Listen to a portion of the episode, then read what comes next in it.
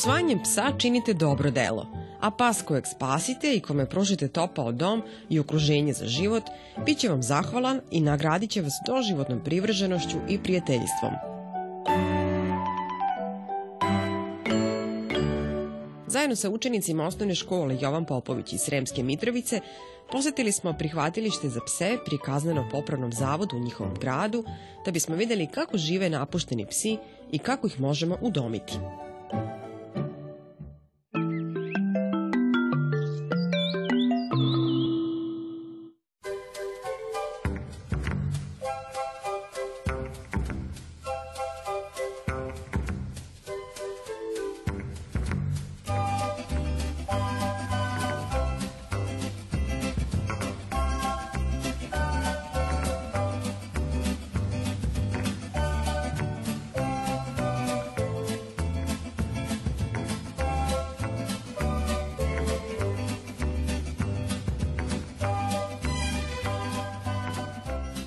drugari, dobro nam došli. Vreme nas nije poslužilo, ali evo ovdje smo jednim lepim povodom gdje ćemo da vidimo pse u, našem prihvatilištu za pse.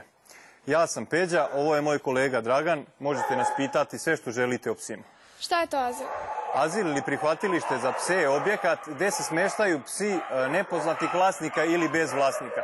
Dakle, to su oni psi koji su ili pobegli svojim vlasnicima E, ili su napušteni od strane vlasnika i e, šetaju gradom bez kontrole. E, Prihvatilište za pse se sastoji iz dva dela. Imamo nečisti deo i čisti deo. Nečisti deo je taj gde se smeštaju psi kad dođu u azil i mi još uvijek ne znamo da li su oni zdravi ili nisu. Kad ustanovimo da su zdravi, onda se smeštaju u čisti deo prihvatilišta.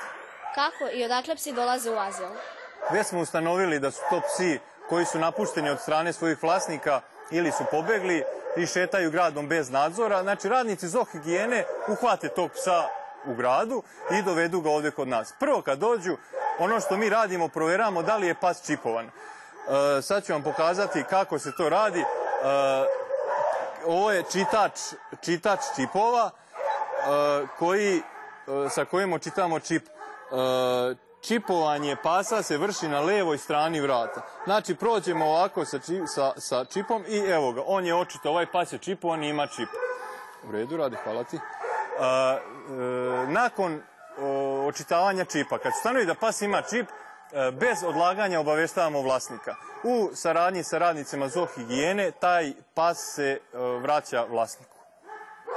Zatim e, sa, tim psima se e, upisujemo ih u knjigu protokola. E, knjiga protokola ona sadrži, ona sadrži, ona izgleda ovako malo je veća i sadrži sve podatke, osnovne podatke o tom psu. Upisujemo vrijeme i datum kad je pas doveden, rasa psa, znači da li je pas rasan ili je mešanac. Upisujemo pol psa, E, ako pas ima čip, upišemo broj čipa. Osobene znake, boja, šaren, beo, žut. E, također psa pregleda veterinar koji ovdje upisuje nalaz u kakvom je e, pas došao. također ima, upisujemo i deo grada gdje je pas uhvaćen. Ovdje postoji napomena, znači neki, podaci o psu, neki osobeni znaci, da li je došao pas sa ogrlicom i u kakvom stanju tako. E, nakon upisivanja u knjigu protokola svakom psu se vadi lični karton takozvani evident, lista psa, gdje upisujemo ime psa. Znači svaki pas dobija ime, broj čipa, osobene znake. Znači sve što je upisano u, knjigu protokola upisujemo ovdje i lepimo sliku psa ovdje. Također ovdje sa druge strane ovog ličnog kartona psa upisuju upisuje se sve terapije i dijagnoze koje radi veterinar i dokle god je pas kod nas ovaj karton se vodi nakon otvaranja ličnog lista pas se smješta u, prostoriju za trijažu. Mi žargonski kažemo da je to karantin. Šta se dešava sa psima nakon dolaska u azil? Nakon što psi dođu u azil, prvo uradimo takozvanu papirologiju i smestimo psa u sobu za trijažu, odnosno u karantinu. Ni žargonski kažemo da je to karantin. Pa se, e, to je nečisti deo prihvatilišta, jer mi ne znamo da li je taj pas bolestan i od čega boluje. Tu ga posmatra, tu ga pregleda veterinar i tu se zadrži 10 do 15 dana. Tu mu se pruža osnovna nega, čisti se od spoljnih parazita, od unutrašnjih, od buva, od krpelja, jel? E, kada prođe 10 do 15 dana i kada ustanovimo da je pas zdrav, mi ga smeštamo u, u čisti deo prihvatilišta nakon što se pas smesti u čisti deo prihvatilišta, oni se razvrstavaju tako e, što se smestaju u bok sa drugim psima e, zavisno od starosti, zavisno koliko su pola, veličine. E, nakon toga pas ulazi u proces obuke, znači priprema se za udomljavanje. Obuka tih pasa traje 10 nedelja. E, izvodi se svakodnevno na poligonima za obuku pasa i tu psi uče osnovne komande. Da idu pored noge, da sednu, da legnu, da daju šapu. Nakon završene obuke i te socijalizacije pas ulazi u, proceduru udomljavanja. Šta se dešava sa psima dok čekaju da se udome? Psi dok čekaju da se udome imaju svoje aktivnosti. Pod pojmom aktivnosti podrazumijevamo obuku pasa.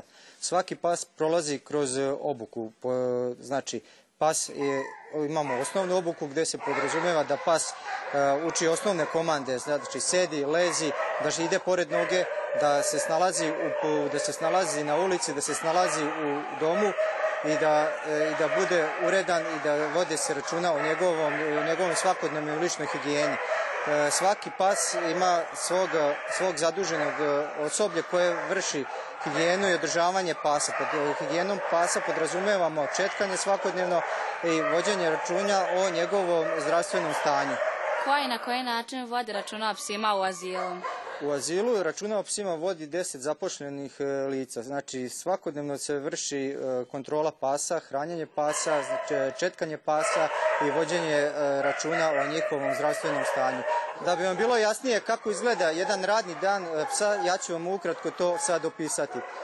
Prvo prilikom dolaska na, na naš posao, znači prvo se prolazi i pregledaju se svi psi uopšteno. Svaki od ovih pasa mogli ste da vidite imaju ispust gdje oni mogu da izlaze, e, da izlaze napolje. E, posle toga e, psi koji su stariji, oni se hrane jednom dnevno. Posle vršimo njihovo, njihovo svakodnevno pregledanje njihove lične higijene. Ako se slučajno primeti da neki pas pokazuje neke, neke osobine bolesti, odmah se obaveštava veterinar i pruža mu se, pruža se zdravstvena nega. E, posle toga pas, psi se izvode na poligone gdje vrši se njihova obuka. Ovdje takođe imamo i bazen za pse gde kad vremenski uslovi to dozvoljavaju, psi se kupaju, šetaju. Kako znamo da je pas bolestan? Prvi simptom e, kod psa da znamo da je bolestan, e, to je njegovo ponašanje. Vidjet ćemo, znači, ako pas je miran, ako je tužan, ako se povlači, e, tada je to prvi simptom e, da je pas bolestan. E, sljedeći simptom na osnovu čega možemo vidjeti da je pas bolestan jeste na osnovu njegove njuške. Znači, da li je, ako je njuška suva, znači da je pas bolestan. Čim vidimo neke promjene na njegovoj koži, čim vidimo neke promjene u njegovom ponašanju, vršimo, vršimo pružanje prve pomoći, odnosno vršimo E, e, alarmiranje e, zdravstvene službe, odnosno veterinara, koji dalje pružaju usluge, odnosno pružaju ne. Da li se bolesti sa psa mogu preneti na nas? Naravno, ima bolesti koji mogu da se prenesu sa psa na čovjeka, ima koji ne mogu. Te bolesti koje mogu da se prenesu sa psa na čovjeka, to su zoonoze, i znači može recimo mogu da se prenesu e, razna gljivična oboljenja koja rezultiraju na čovjeku, znači ona su kruglog oblika, obodim je od crvenih tačkica, a sredina je perutava. Također možemo da se zarazimo, što je vrlo važno za vas, da znate, sa, sa psećim glistama. One, su redovni stanovnik, redovni, nisu redovni stanovnik, ali e, psi koji su zaraženi sa glistama, oni se nalaze u debelom crevu psa.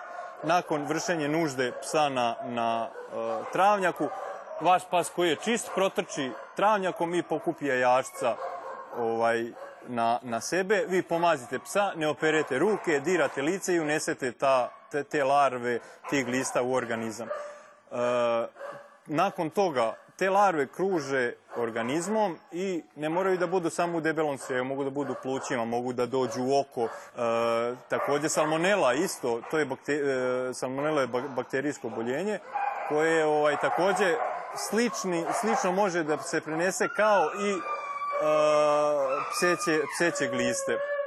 Ovaj, s tim što su e, simptomi salmonele jako, jako e, teški, prolivi, povraćanje temperature, to se leči antibioticima. Najpoznatija zoonoza ili bolest prenosiva sa, sa psa na čovjeka je besnilo. Besnilo je neizlečiva bolest, Eh, svi psi su zakonski, vlasnici su u zakonskoj obavezi da sve pse vakcinišu protiv besnila najmanje jednom godišnje. Kako se domljavaju psi?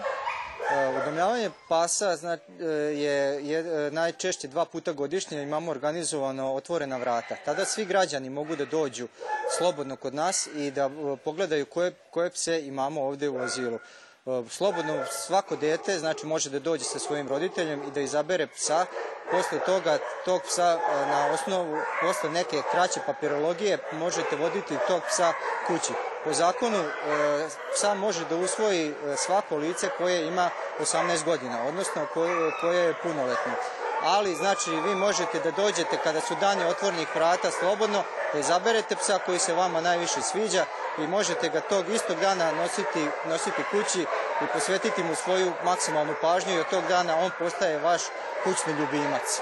E, imamo jako dobru saradnju sa Udruženjem za zaštitu životinja Kanis, koji nam isto pomažu veoma puno u udomljavanju pasa. Inače, naš omiljeni pas i miljenik e, ovdje zove se Đura. Đura je odrastao na pijaci i e, on je jedan od naših naj, najstarijih pasa ovdje, ima e, otprilike 14 godina i Đuru ne bi dali nikome e, da ga usvoji ni za šta. On je naš miljenik i ostaće ovdje do kraja.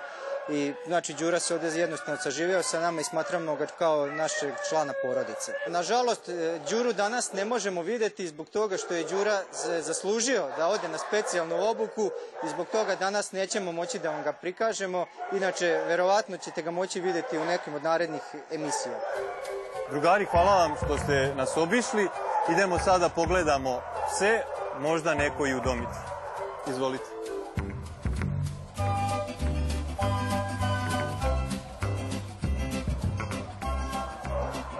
Evo vidi kakvi su ovi lepi. Pogledajte kako su ovi psi ovdje lepi. Vidite, svi su žuti. Tu ćemo da ubacimo još jednog crnog da budu ravnopravni.